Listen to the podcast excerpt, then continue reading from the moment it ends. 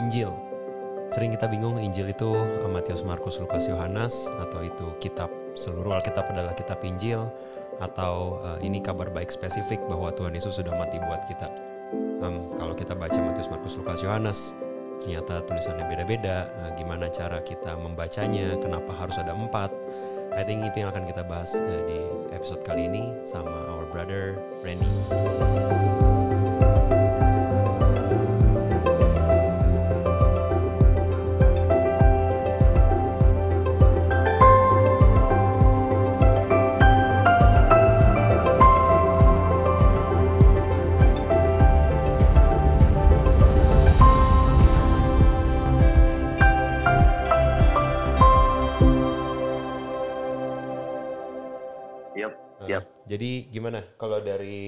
Pandangan lu mengenai Injil atau uh, kabar baik atau gospel itu kan uh, kalau ngomong menurut gue artinya lumayan banyak berbeda sih, lumayan banyak yeah. Ya. uh, bias karena gini kalau misalkan cari gospel itu yang keluar udah genre musik gitu belakangan. Hmm, iya, iya benar, Terus kalau misalkan dengar, oh udah dengar Injil belum atau dengar kabar Injil itu seolah-olah, oh kabar Injil itu apa gitu. Kalau misalkan ditanya, ada yang jawabnya Matius, Markus, Lukas, Yohanes itu Injil. Well, in a iya, way iya, iya. iya. Ada lagi yang ditanya kalau Injil itu apa? Oh Injil itu kabar keselamatan bahwa Tuhan udah mati menebus dosa kita. Nah, um, kalau dari pandangan lu sendiri, uh, Injil itu sebenarnya apa sih bro dan signifikansinya apa gitu? Hmm. Ya seperti yang tadi lu udah bilang sih bro, memang Injil itu punya beberapa makna dan ketika seorang memaknainya misalkan Injil itu disebut sebagai kabar baik, itu benar gitu kan, itu bukan sesuatu yang salah. Injil itu disebut uh, Matius, Markus, Lukas, Yohanes, kitab-kitab uh, tulisan mereka itu pun nggak salah juga gitu. Dan bahkan ada orang yang bilang bahwa satu Alkitab itu adalah Injil, Injil yeah.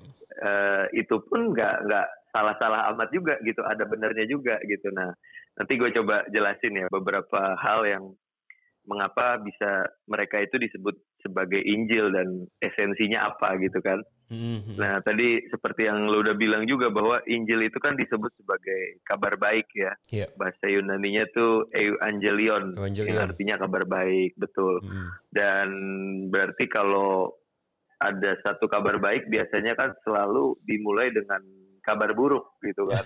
yeah. Kabar baik, kabar baik akan jadi baik ketika kita tahu sebenarnya ada kabar buruk apa di balik uh, kabar baik itu yeah. gitu kan. Let's say hmm. misalkan zaman sekarang nih COVID-19 uh, eh, sebuah penemuan antivirus akan menjadi kabar baik ketika kita tahu bahwa COVID-19 ini punya dampak yang udah separah ini gitu yeah, loh. betul. Hmm. Ya, dan Vaksin semakin buruk uh, uh, vaksinnya ada, kita jadi jadi itu jadi satu berita kabar baik gitu dan mm -hmm. semakin buruk suatu kabar uh, akan membuat kabar baik juga punya uh, dampak yang lebih besar ketika kabar baik itu muncul gitu loh. Yeah. Dan kalau kita pelajari kabar buruknya buat kita semua umat manusia adalah ya bahwa kita semua manusia itu telah jatuh ke dalam dosa dan telah kehilangan kemuliaan Allah gitu.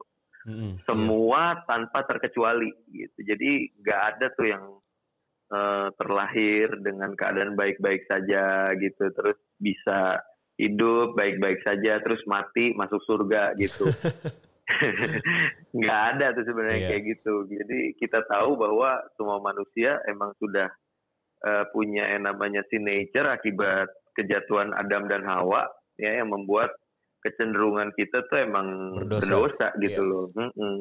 dan akibatnya ya kita melakukan semata-mata yang jahat gitu. Kita kehilangan kemuliaan Allah dan puncaknya adalah upah dosa ialah maut. maut yeah. Iya, keterpisahan kekal di neraka gitu loh, keterpisahan kekal dengan Bapa di neraka. Dan Injil itu menjadi sebuah kabar baik adalah karena manusia nggak perlu menerima itu semua gitu loh, nggak hmm. perlu menerima kebinasaan kekal. Kenapa? Karena sudah ada Yesus Kristus yang menanggung yeah. dosa-dosa dan pelanggaran manusia gitu loh. Jadi kabar baiknya adalah uh, sang putra Allah yaitu Kristus datang ke dunia dia hidup sempurna, dia uh, menggenapi semua hukum yeah. yang tertulis di perjanjian lama yang nggak bisa kita penuhi ya. jalani hmm. secara hmm. sempurna dan dia uh, naik ke kayu salib dia mati di sana supaya darahnya yang kudus dan tidak bercacat celah itu me hmm. menghapus dosa kita gitu dan itulah yang disebut dengan kabar baik. Kabar baik. Iya. Nah masalahnya buat orang yang merasa dirinya nggak berdosa, merasa dirinya cukup baik gitu kan, religius. Iya. yeah. Iya, kabar baik nggak jadi kabar baik buat mereka jadi kabar biasa aja gitu loh kayak ya oke okay lah iya. gitu kan yeah. Yesus mau mati mau enggak ya itu nggak terlalu masalah buat gue atau kesalehan gue kayaknya juga udah bisa kok bahwa gue berkenan dan selamat kayak gitu kan iya yeah.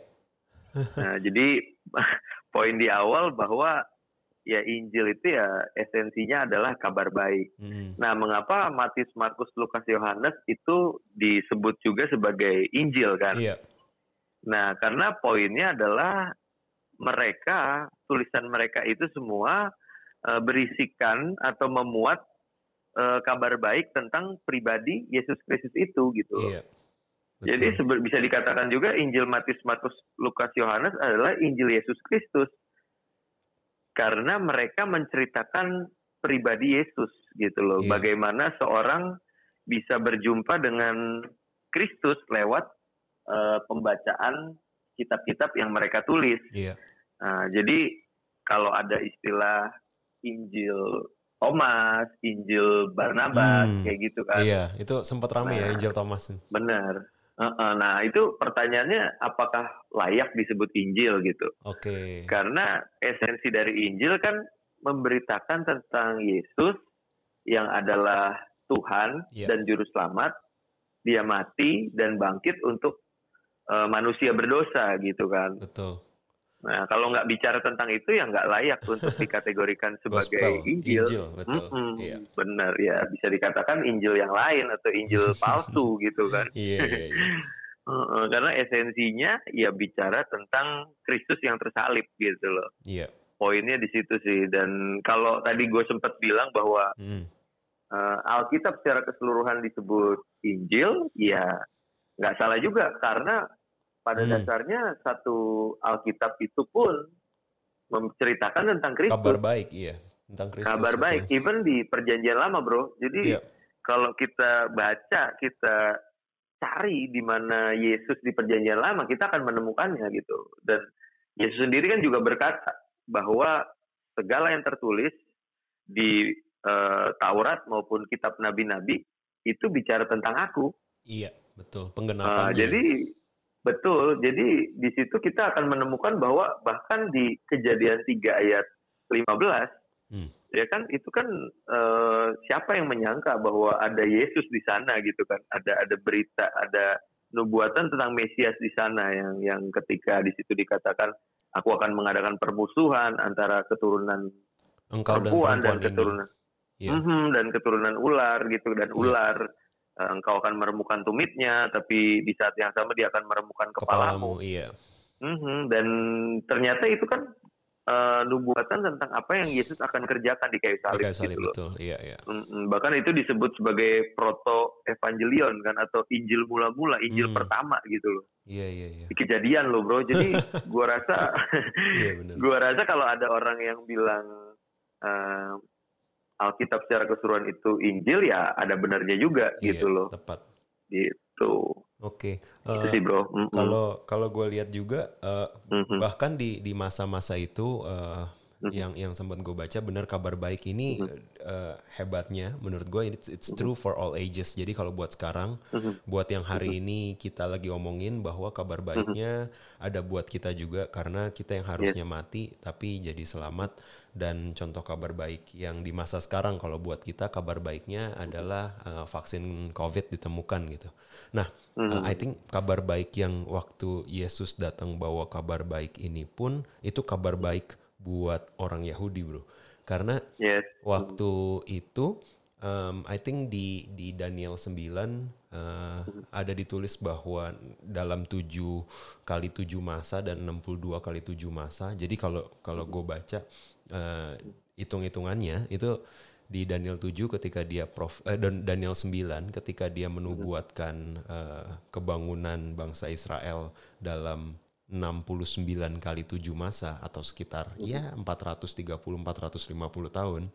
Jadi di waktu Yesus lahir sampai waktu Daniel menulis that nubuatan itu itu actually Hmm. sekitaran waktunya yang sama gitu 400 sampai 450 tahun. Wow. Makanya jadi Wow. orang Yahudi di zaman itu, hmm, kan yang mereka pegang kan eh, ini ya perjanjian lama kan orang Yahudi di zaman Hmm, itu. hmm, hmm, hmm. Jadi ketika dia hitung-hitung, hmm, 7 kali 7 masa, 62 kali 7 masa, hmm, bentar lagi dong gitu. Jadi buat mereka Iya, iya, iya, ketika ada eh ada orang, ada rabi tiba-tiba datang dan bilang eh, ini aku adalah messengersnya dari Kingdom of God gitu. Bahwa Iya, iya, eh, ini eh, adalah eh, Kingdom of God is at hand. Kerajaan Allah sudah dekat. Itu buat mereka beneran kabar baik yang habis you know habis Syria, Babylon, habis Babylon Roma gitu kan. Kapan nih kita Iya, iya, merdekanya iya. gitu kan. Benar, Dan benar, ada benar. raja yang datang, makanya ekspektasi mereka I think sampai ekspektasi murid-muridnya di zaman itu, oh ini kabar Hmm. baik, ada rajanya udah datang, kita bisa merdeka. Hmm. Well, actually rajanya bawa sistem yang berbeda gitu. Malah as you Iya, say, iya, iya. lebih dari jadi raja doang buat bangsa Yahudi, actually Hmm. jadi raja buat kita semua gitu sampai hari ini. Iya. Mhm. Ya dan yang memang ironis adalah Hmm. ketika bicara tentang eh, bagaimana bangsa ya orang-orang Israel, bangsa Yahudi itu menantikan eh, Mesias, Mesias, iya.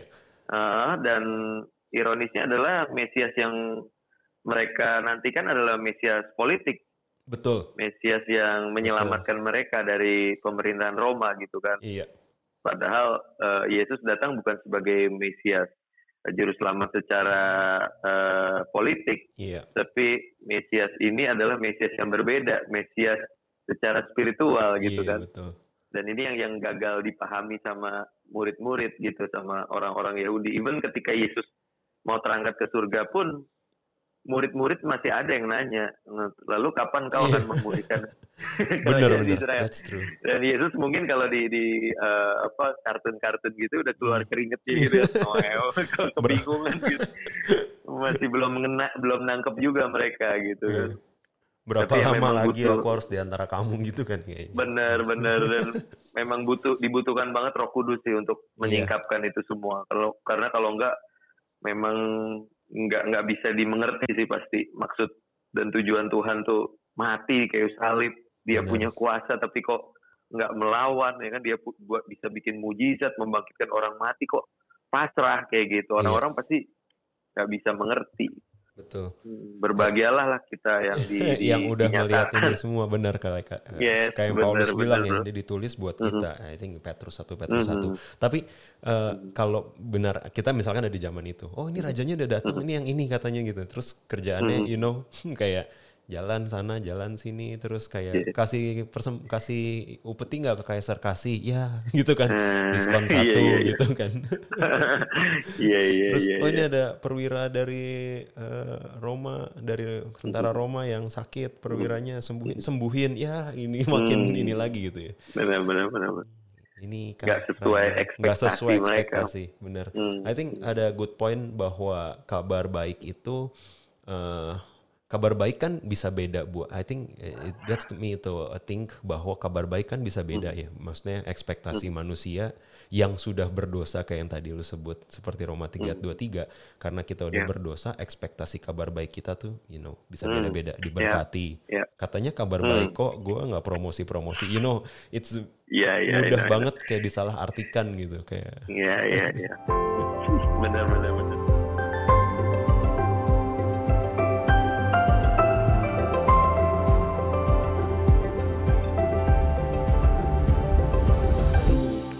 kalau dari Hmm. eh, sisi Matius, Markus, Lukas, Yohanes, bro, kan ada empat, Hmm. empat kitab nih. Empat kitab yang semuanya eh, memberitakan Injil dari empat sisi. Kan kadang-kadang ada orang yang Hmm. bingung ya, kok sampai perlu ada empat? Kenapa perlu ada empat? Ya. Dan lumayan ada yang mirip-mirip, tapi ada yang beda. Itu Hmm. kalau dari eh, apa yang eh, pandangan lu, bro, eh, Hmm.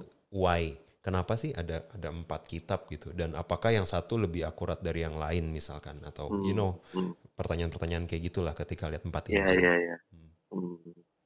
Ya memang uh, menariknya ya, uniknya dari Injil ini adalah uh, mereka ditulis oleh orang-orang yang berjalan bersama Yesus, yang mengalami Yesus sendiri di dalam kehidupan mereka. Yeah. Dan ketika mereka berjalan bersama Yesus, gue rasa mereka nggak punya cita cita-cita atau uh, ekspektasi one day gue akan kita akan nulis ya bareng-bareng terus kita akan buku buat buku bareng-bareng kayak gitu kan. Iya iya. Tapi tapi mereka benar-benar ya jalanin kehidupan mereka bersama Yesus. Even Lukas sendiri kan juga bukan murid mula-mula gitu loh. Betul. Ya, Lukas sendiri adalah seorang tabib, seorang dokter yang uh, mengumpulkan eh, tulisan-tulisan, sejarah-sejarah tentang Kristus yang punya tujuan uh, membuat tulisan itu akan ditujukan kepada seorang bernama Theophilus itu kan. Theophilus betul. Dan ya jadi uh, mereka uniknya adalah nggak pernah janjian untuk bikin buku ini bareng-bareng gitu loh. Benar. Dan hmm. tapi yang menarik ya karena mereka nggak janjian itulah letak uh, alaminya gitu ya, yeah. naturalnya.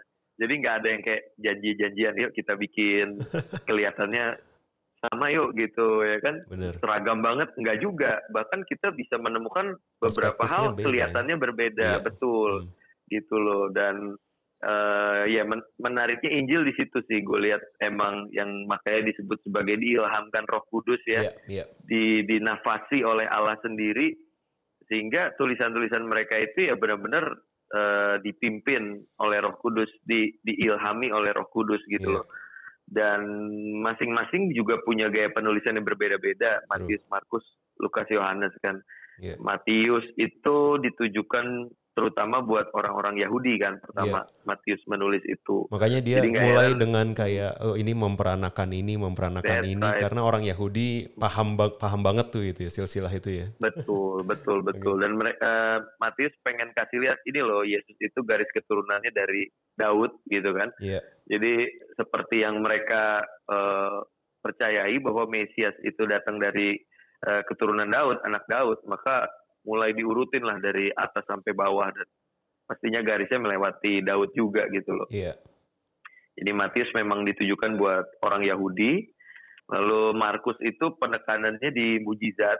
Hmm. Ya, jadi kalau mau cari uh, Injil yang paling banyak mujizatnya ya di Markus, Betul. gitu loh. Hmm tanda-tanda ajaib gitu. Nah, Sedangkan nah, itu Lukas kalau kan, kalau uh, gue baca yang Markus itu, bro, uh, benar uh, Injil itu paling banyak ditulis di situ.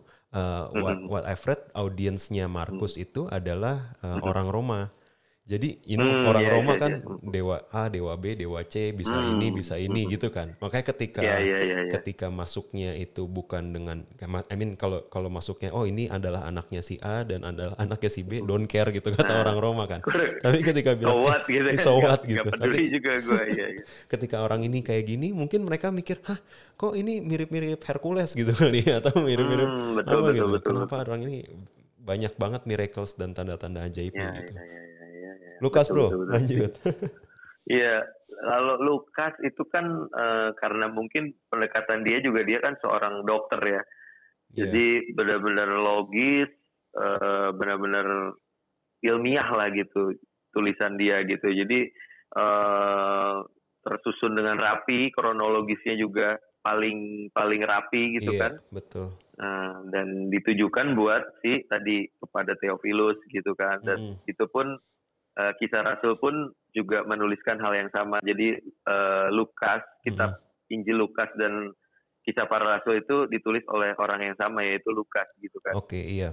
Dan itu itu juga kalau bisa jadi referensi juga sih misalkan bingung mau baca mulai dari mana That's gitu true. kan. Yeah. Matius, Markus, Lukas, Yohanes kayaknya Lukas juga seru sih mulai untuk uh, yeah. Bible reading seseorang gitu kan. Iya, setuju. Karena iya. kalau kalau gue baca untuk yang Lukas, bro, itu mm-hmm. as what you said itu kayak memang mm-hmm. di uh, ditulis itu untuk mm-hmm. orang non Yahudi secara umum kan. Mm-hmm. Jadi yeah, Theophilus, yeah, yeah. which is bukan orang Yahudi mm-hmm. gitu. Jadi betul, betul. kalau kita perhatiin di Lukas ada kisah mm-hmm. orang 10 orang kusta, ada kisah mm. uh, pelacur yang menyeka kaki Yesus. Nah itu mm, uh, lumayan di I think lumayan ditonjolin di Lukas karena dia kasih tahu, yeah. hey, bukan cuma orang Yahudi loh, orang-orang yang kayak Zakheus aja, yang hina-hina kayak gini aja, uh, Tuhan Yesus tuh mau bergaul sama mereka gitu. Apalagi Iya, iya, iya, apalagi kamu Theophilus, seolah-olah kayak gitu sih. So I think Betul, betul, that's a betul, good point untuk mulai dari situ karena kondisi kita baca Alkitab kan baca Alkitab nggak enggak bro gue nggak suci gitu I mean Lukas Hmm, exactly right. bikin Injil buat kasih tahu hey uh, come as you are gitu kalau kita datang ke Yeah. Tuhan kondisi kita kayak orang-orang yang ini pun Tuhan Yesus bahkan terima mereka I think kayak gitu sih Hmm, betul, good point banget bro. Iya Lukas memang banyak menemukan hal-hal seperti itu ya, membuat kita jadi nggak nggak minder, nggak merasa nggak layak ketika datang kepada Tuhan. Tuhan mengasihi kita juga kok iya gitu. betul Hmm. Yohanes bro Dan ya Yohanes ya, Injil Yohanes itu kan Injil yang paling eh, muda ya dibanding hmm. tiga Injil yang lain gitu dan Yohanes itu eh, pendekatannya adalah karena eh, di zaman itu pun zaman Yohanes menulis itu ada satu eh, pengajaran sesat ya Oh. namanya gno- gnostik oke gnostisisme jadi eh, mereka itu adalah orang-orang yang merasa dapat pencerahan sehingga mereka bilang oh Yesus itu sebenarnya bukan pencipta bukan sejajar dengan Allah Bapa gitu Yesus Hmm. itu eh, Tuhan junior lah gitu Tuhan, tapi junior. Tua- eh, Tuhan tapi eh, kekuasaannya eh, U18 ya, bro, ya? senioritasnya U18 U18-nya bro, bener-bener. itu di bawah Allah Bapa gitu loh. Dan itu cukup mengganggu uh, orang-orang Kristen pada zaman itu gitu. Atau ada juga pemikiran yang bilang, gue lupa siapa namanya itu ya. Pokoknya dia bilang bahwa Yesus itu bukan manusia 100% gitu. Jadi ketika dia datang ke dunia, dia sebenarnya adalah uh, pribadi ilahi yang menyamar jadi manusia. Jadi sebenarnya dia seperti Superman lah. Let's say misalnya ketika dia disiksa, dia dicambuk, dia disalib itu cuma pura-pura bro, diving doang gitu loh. pura-pura Geli-geli, sebenarnya geli-geli doang gitu. Geli-geli bener. nah itu eh, ajaran-ajaran yang berkembang saat Hmm. itu sehingga eh, Yohanes eh, membuat eh, menulis kitab Injil Yohanes pun dengan tujuan untuk eh, meluruskan kembali ketuhanan Yesus gitu loh. Nah, Ah. jadi kalau bicara soal Oh. mau belajar apologetika gitu, Ah, karena kita kan sering banget dapat pertanyaan ya, misalkan kayak eh, di mana ayatnya di Alkitab Iya, Yesus dia berkata di awal kayak ini ya bro makanya si Yohanes tuh di Mhm. awal kayak ulang dari awal gitu pada mulanya gitu kan Hmm, dia hmm, jelasin betul, betul, lagi betul. ya ah iya iya iya Yes, Eh, dan dan pada mulanya itu kan pada mulanya adalah firman, firman itu bersama-sama dengan Allah gitu kan. iya Pada mulanya itu kan sebenarnya dia juga lagi merujuk ke kejadian satu ayat satu. hmm. Pada mulanya Allah gitu. Jadi jadi ini kayak di, disejajarkan gitu loh. Ah, iya, iya, firman iya, ini yang menjadi manusia itu tuh adalah Allah, yang Allah. ada di kejadian gitu loh. Allah yang sama yang udah ada dari kekal sampai kekal. iya Dan itu itu yang dikerjakan oleh Yohanes. Makanya kalau kita mau belajar apologetika, ya kan, misalnya ada orang yang nanya, mana ayatnya di Alkitab? Yesus berkata, akulah Tuhan, sembahlah aku, gitu kan. Nah, Hmm. terus kita mulai panik, kita mulai bingung, gitu kan. iya Nah, kalau udah mulai bingung, bacalah Injil Yohanes, gitu. Karena Hmm. di di di Yohanes itu tersebar banyak eh, petunjuk-petunjuk, ya walaupun Yesus nggak ngomong literally, gitu kan iya secara langsung walaupun memang ada beberapa ya kan tapi eh, mayoritas sih kata-kata Yesus itu bentuknya kayak eh, sesuatu yang nggak nggak terus terang gitu loh Iya. tapi gue lihat sih terlalu banyak sih eh, Mhm. di situ menggambarkan keilahian Yesus dan Yesus tidak pernah menyangkali bahwa ketika Yohanes menulis itu bahwa ketika ada orang yang menyembah dia ada orang yang memanggil dia Allah, memanggil dia Tuhan, dia nggak pernah mengkoreksi gitu iya kan. Nggak pernah bilang, eh jangan jangan jangan salah paham, gue cuma manusia, gue cuma nabi gitu kan. Nggak Iya. pernah. Tapi Yesus malah menerima klaim itu gitu, menerima Iya. penyembahan orang-orang tersebut gitu sih. dan yang menariknya di eh, Mhm. Matius Markus Lukas pun eh, tidak ada yang kontradiksi dengan apa yang ditulis di Yohanes ya bro ya jadi Ya, oke itu betul, eh, betul. early accounts Matius Markus uh, Lukas, tapi apa yang ditulis di Yohanes itu memang sepertinya uh, hasil dari testimoni yang di awal-awal dan kemudian digabung sama uh, ini pemahaman yang benar loh kayak as what you said Ya. gitu ya. Makanya Hmm, kalau ada yang bilang right. ah itu cuma ada di eh, Yohanes doang kan, you know, eh, itu cuma nggak boleh diambil sepotong. Tapi actually di Matius, Markus, Lukas tidak ada yang kontradiktif dengan eh, bahwa Yesus ini adalah 100% eh, Tuhan. Yes, that's right, bro.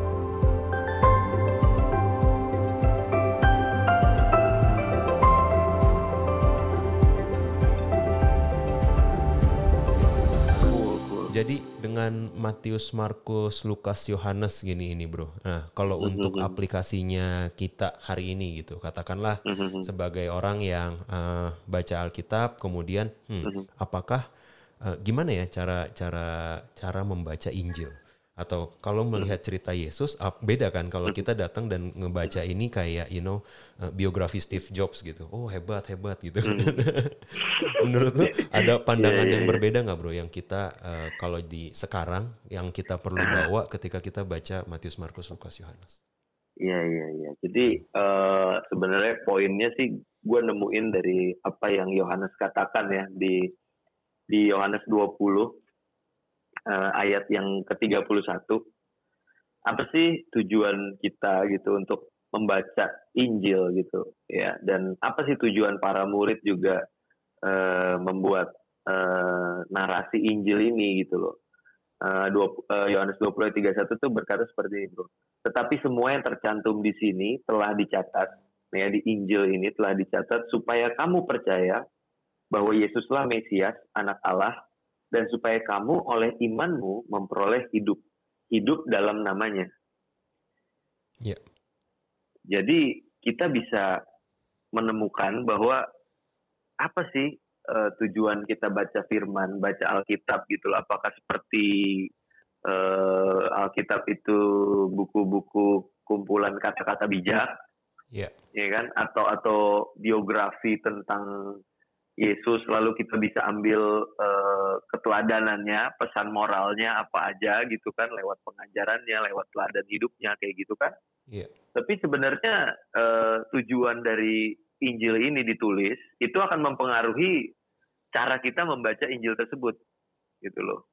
Di situ dikatakan bahwa eh, tulisan ini dimaksudkan supaya pembacanya itu mengenal siapa Kristus sebagai Mesias, sebagai anak Allah, dan lewat pengenalan kita itu kita akan beroleh keselamatan Hmm. di dalam iman kita kepadanya.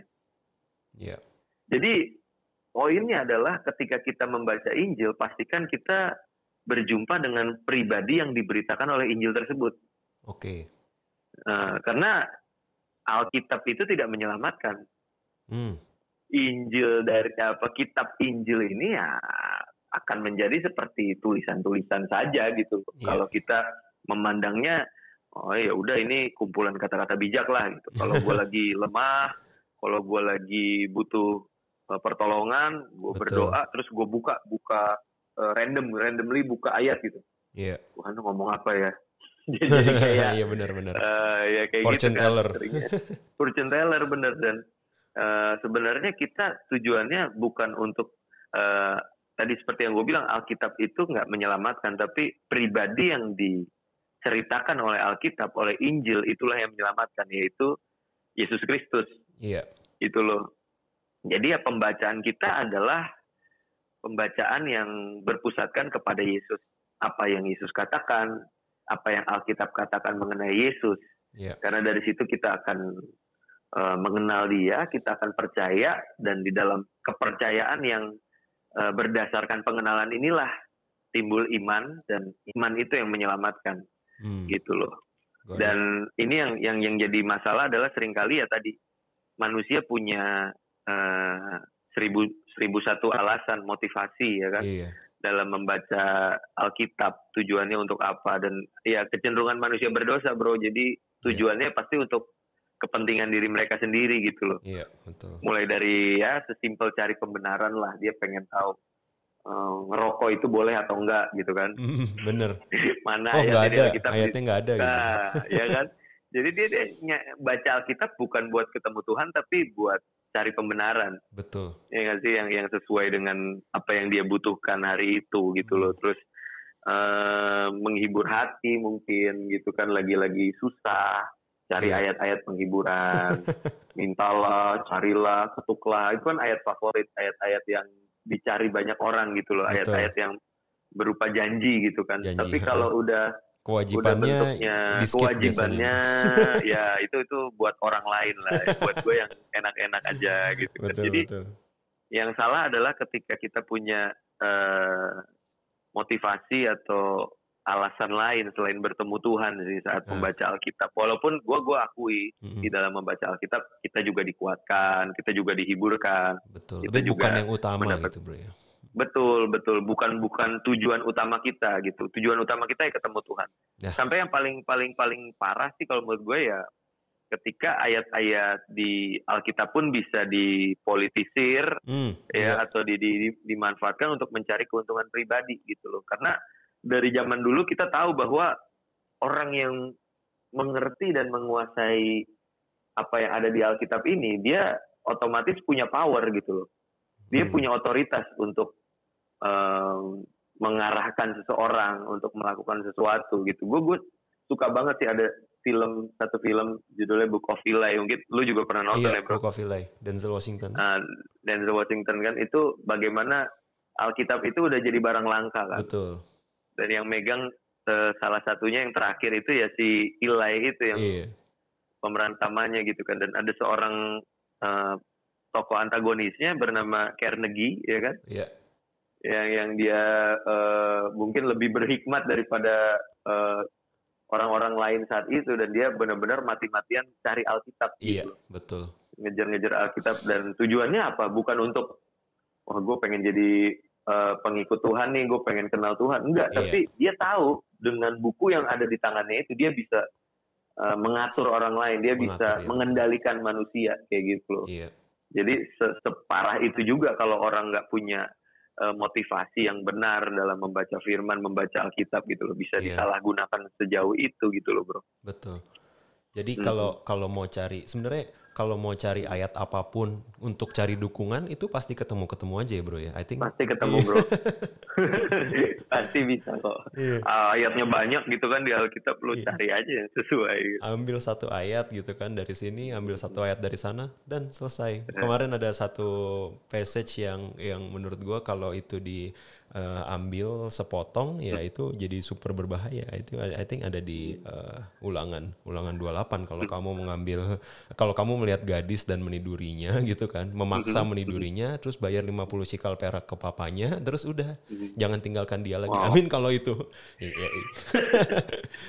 kalau ayat-ayat yang kita seperti kita kita iya kita kita pakai itu ya buat Iya. Eh, nembak cewek gitu ya. Iya. buat nidurin cewek kacau juga. Ini ada di Alkitab, Eh, well, iya kan. Jadi ada di Alkitab itu juga perlu dengan pemahaman yang benar, as you mention. Kalau kita baca Alkitab ya kita cari Tuhan, bukan cari pembenaran. Karena kalau cari pembenaran pasti ketemu juga, I think. Ya bisa sih Hmm. manusia kan ah, sangat apa ya dia punya eh, manipulatif ya sifat Iya. manipulatif itu. Jadi ya tadi bahasanya mungkin kalau bahasa sehari-harinya ya cocok Hmm. logi ya kan. Cocok logi ya Apa ya? betul. Heeh. Nah ini ini mungkin ya nyinggung sedikit lah ya ada Iya. istilah exegesis, eisegesis. Gua rasa ini nggak nggak cuma buat eh, teolog maupun pendeta sih ya, Oke. tapi semua orang awam minimal tahu lah soal ini. Oke. Exegesis dan eisegesis ini berhubungan dengan cara baca Alkitab yang benar gitu loh. Oke. Eh, exegesis itu bicara tentang kita menarik keluar apa yang tertulis di Alkitab. Jadi eh, pikiran-pikiran, buah-buah pikiran yang terdapat di Alkitab itu kita cari tahu dan kita gali, lalu kita angkat keluar. Mm-mm. Buah-buah Ya. pikiran itulah yang membentuk pikiran kita, membentuk eh, paradigma kita, doktrin kita terbentuk dari apa yang kita angkat dari firman Tuhan Iya. kita keluarkan dari firman Tuhan. Itu nama exegesis dan itu cara baca Alkitab yang benar. Oke. Tapi kalau eisegesis, Eisegesis, oke. eisegesis itu apa yang dari luar, Mm. pola pikir kita, eh, dugaan kita, Ekspektasi. atau bahkan ekspektasi kita. Iya. Ya, kalau kita mau jadi eh, nabi palsu mungkin ya atau pengajar sesat, doktrin kita Iya. udah terbentuk duluan. Lalu kita cari ayat-ayat pendukung, eh, seperti yang lu tadi bilang, Iya. yang tertulis di Alkitab. Jadi cocok-cocokin doktrin atau pola pikir kita dengan apa yang tertulis di Alkitab. Bisa nggak? Iya, Bisa. pasti ada. Bisa ngaco gitu kan. Dan itu yang yang yang sering kali eh, terjadi gitu loh. Hmm. Jadi ya minimal bukan artinya kita semua harus oh ambil akademisi jadi teolog, sekolah teologi nggak juga, tapi Iya. minimal kita tahu lah disiplin ilmu dalam membaca Alkitab hal-hal simpel seperti itu gitu loh. Kita Iya. mesti eh, pelajari juga gitu. Hmm. Oke bro. ya Eh, karena sesimpel ini sih bro, gue gue Hmm. tambahin sedikit lagi ya. Iya. Sesimpel ya ini ini kalau untuk relevansinya sehari-hari ya kayak lu Hmm. nulis surat nih, mm-mm. nulis sur- surat buat eh, gebetan lu gitu kan. Terus lu ceritain dulu eh, tentang mantan mantan lu gitu kan. Mm-mm. Eh, mant- eh, mantan pacar gue nih yang dulu gini gini gini A B C kelebihan kelebihannya dulu lah lu lu lu ungkapin tujuannya supaya pada akhirnya lu ngomong bahwa gebetan lu ini jauh lebih baik dari mereka gitu kan.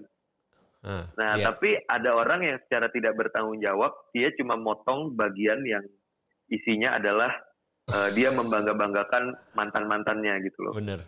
Lalu yang yang disampaikan kepada gebetannya ini adalah yang bunyinya tentang si Mantannya. cowok ini bagus-bagusin mantannya. Mm-mm. Dan cewek ini akan bilang, ya terus ngapain lo deketin gua gitu kan? Iya. Kan cewek-cewek lain mantan-mantan lo lebih baik dari gua. Mm. Padahal kan yang mau disampaikan sama si cowok ini bukan itu gitu loh. Betul. bunyinya bukan itu gitu loh tujuannya bukan itu tapi karena salah salah tafsir tadi kan karena Iya. eh, orang yang tidak bertanggung jawab itu main potong-potong ayat aja akhirnya Hmm. berita utuh itu nggak sampai kepada si cewek ini dan akhirnya mereka nggak jadi eh, pacaran gitu kan Betul, ya betul. seperti itulah kalau kita nggak benar-benar baca secara lengkap dan memaknai menafsirnya secara Iya. bertanggung jawab kayak gitu bro Agreed. Kalau kemarin Hmm. nih gue sempat ngecek ada kerangka buat kalau kita baca satu bagian dari Alkitab gitu bro. I think Hmm. ada ada tiga kerangkanya yang yang Mhm. yang biasanya kita lompat tuh yang ketiga ke bagian interpretasi. Jadi ambil satu ayat, Hmm. interpret sesuka hati, aplikasikan dengan kondisi sesuka hati gitu. Nah itu Ah. harusnya ada uh, yang yang yang gue sempat baca ada tiga ke satu historical. Jadi ini Hmm. penulisnya siapa? Kayak yang tadi lu sebutkan. Iya. Ini oh ini penulisnya Lukas ditunjukkan buat Theophilus. Theophilus itu siapa? Situasinya gimana? Orang percaya Iya. waktu itu gimana? Sama kayak uh, I think surat Paulus kalau misalkan ke Korintus itu lumayan beda sama yang lain kan? Karena kalau kita cek oh kota Korintus itu memang lumayan berbeda uh, challenge-challenge uh, orang percaya di kota Korintus sama yang ada di kota lain. I think uh, yang pertama historical ini lumayan penting ya untuk tahu Betul, penulisnya siapa, dia itu uh, social situationnya gimana, apakah dia mantan tax collector kayak Matius atau Hmm. dia uh, tabit uh, kayak Lukas atau dia itu dan nulisnya ke siapa dan itu I think itu yang pertama penting historical kedua betul betul, betul. eh, genre. Jadi ada Hmm. genrenya juga kan di di kit- Yes. Alkitab ini kan ada genrenya. Ada yang genrenya um, um, eh, wisdom, ada Narasi. narasi. Hmm. Ada yang genrenya adalah eh, profesi, sastra sastra. Itu kan beda-beda. Kayak baca Kidung Agung, apakah itu secara literal diambil kemudian oh, hmm, inspiring Eh, gitu kan. bener, bener, bener. apalagi wahyu ya kan Apalagi Wahyu itu imajinatif tapi bukan imajinasi Iya. gitu kan. Ada gambar-gambar, Betul, ada betul. metafor-metafor dan ya, ya, I think uh, approach-nya nggak bisa semuanya dihajar oleh sama gitu. Mhm. Jadi Betul, secara betul, betul. literatur oh ini uh, katanya kalau orang yang dikasihi Tuhan uh, diberkati waktu tidur. Jadi nggak perlu bersusah payah. Untuk ambil sepotong dari Amsal bawa Iya, lari iya, gitu iya. kan. bener Should bener be careful dari uh, met- genre itu itu penulisan. kaum kaum kaum rebahan sih Kaum bersuka cita, rebahan. bro Iya. Iya, iya, Yang iya. ketiga baru interpretasi kan. Oh ini uh, konteksnya ini, genrenya ini, ini surat yang ditulis Paulus untuk jemaat yang ini. Nah, baru interpretasi. Oh jadi keselamatan itu by faith misalkan. Nah, I think uh, echoing sama apa yang barusan lu sebut juga sih bro bahwa memang untuk membaca itu at least perlu ada beberapa kerangka Yes. atau ask ourselves. Ini sebenarnya ditulis buat siapa? Ini genrenya apa dan lain sebagainya. betul betul dan dan kabar baiknya buat kita semua bahwa semua sumber itu atau alat-alat tafsir itu udah sangat mudah untuk ditemukan gitu loh Betul. Mm-mm. jadi jadi kita nggak perlu yang putus asa aduh gua harus sekolah dulu kayaknya nih, gue harus Iya. akademisi dulu nih gitu kan. Iya. Enggak men, tinggal lu download eh, aplikasi Alkitab mungkin, Betul. eh, biasa di mungkin Bible Works atau bahkan www.biblehope sekalian itu juga bisa Iya. sangat membantu loh. Ada tafsirannya, ada latar belakang historis, budaya, Betul. eh, bahkan bahasa linguistik juga ada di situ. Iya. Ya sekarang jadi pertanyaannya bukan bisa atau enggak, tapi mau atau Mau enggak atau enggak, nguliknya.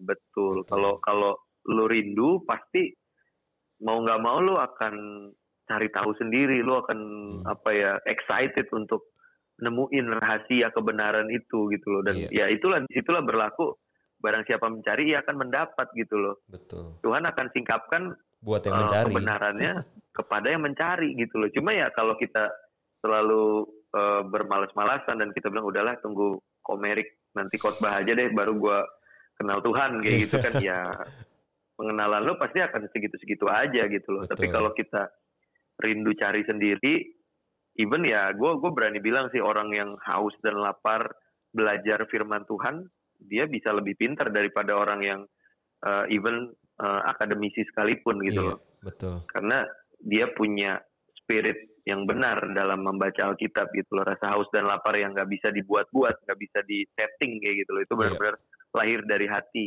gitu loh, yang Iya. mencari Tuhan. Iya. Hmm. Agreed. Kalau di eh, jemaat-jemaat zaman dulu kan gitu bro, dengar pengajaran, Hmm. oh nggak tahu nih ini benar apa enggak, interpretasinya benar Hmm. atau enggak. Kalau sekarang kan, uh, as you mention dengan teknologi, mungkin perlu diganti scrollnya gitu kali ya bro ya. Hmm. Dari Benar, scroll-scroll benar, yang kurang berguna ke scroll-scroll yang tadi lu mention, Bible Hub, I mean uh, Iya. YouVersion, uh, banyak banget. I think Bible Study yang sebelumnya mungkin Hmm. nggak available. I mean waktu kita kecil uh, di Mhm. zaman yang agak-agak mirip gitu kan, uh, Iya, iya, iya. buat kon, kon apa namanya? Yang Concordance. itu kan paling ada Hmm. concordance gitu. Alkitab, Hmm. con- concordance, that's it. Iya. Kalau sekarang Betul. kayak Dan itu cek bentuknya bentuknya buku lagi bro ya. buku tebel buku. yang ada di sekretariat gereja gitu kan mesti nyolong apa gimana gitu. Kalau sekarang kan you know kayak kalau cari di e-commerce saja kayak oh, Bible study gitu. Banyak banget gitu Iya. yang langsung dikirim ke Benar, rumah. benar, benar, benar. It's Iya, bener iya, sih. iya, iya. Bukan bisa nggak bisa tapi lebih ke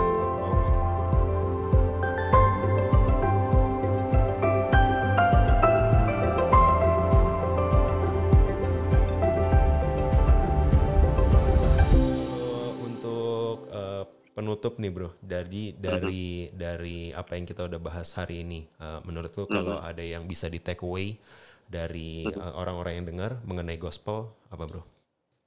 Iya.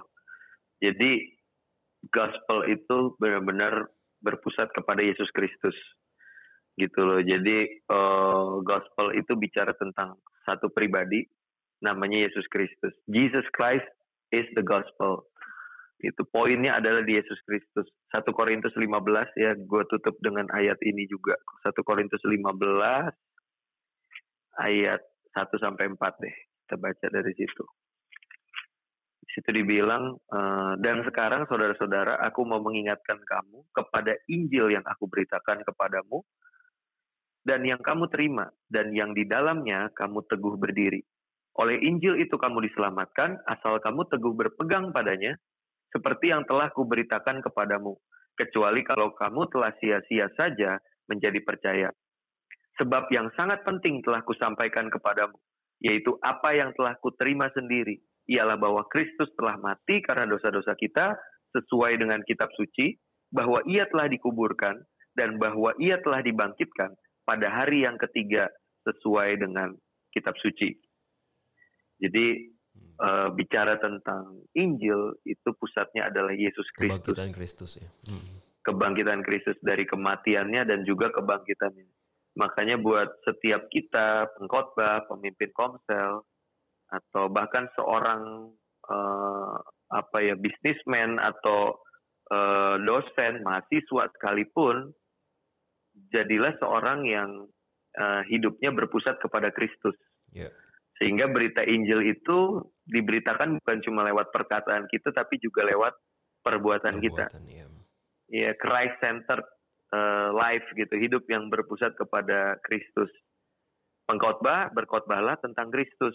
Iya. Jangan tentang yang lain selain dia gitu loh. Iya. Ya yang yang gue bilang bukannya salah ya, tapi kalau nggak ada Yesusnya kata Char- Charles Spurgeon, mendingan lu pulang aja katanya Iya, gitu. iya, that's true. Kalau khotbah lu nggak ada Yesusnya, nggak ada Injilnya, mending lu nggak usah khotbah gitu loh. Dan eh termasuk kehidupan kita, kalau kita bilang kita pengikut Kristus ya, Kristus itu harus nampak dalam hidup kita. Kristus harus di apa ya magnified atau dipermuliakan gitu loh Iya, di dalam kehidupan kita. Jadi Injil itu bukan cuma sesuatu yang kita baca, sesuatu yang kita renungkan, tapi juga sesuatu yang life changing, mengubahkan hidup gitu loh. Lewat berita Injil ini seluruh hidup kita itu dipengaruhi olehnya dan eh, harusnya orang banyak sih bisa membaca Injil itu sih lewat kehidupan kita, lewat Iya. perkataan kita maupun tindakan gitu. tindakan nyata kita gitu, Bro. Oke.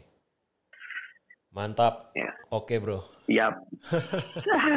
seru banget. Seru Thank you banget, Bro. Waktunya, Bro. Yes. Di Sama-sama bro, gue juga seneng banget. episode-episode lain kita akan discuss more Siap, on, siap, siap, topik-topik pastinya kayak bro. Yes.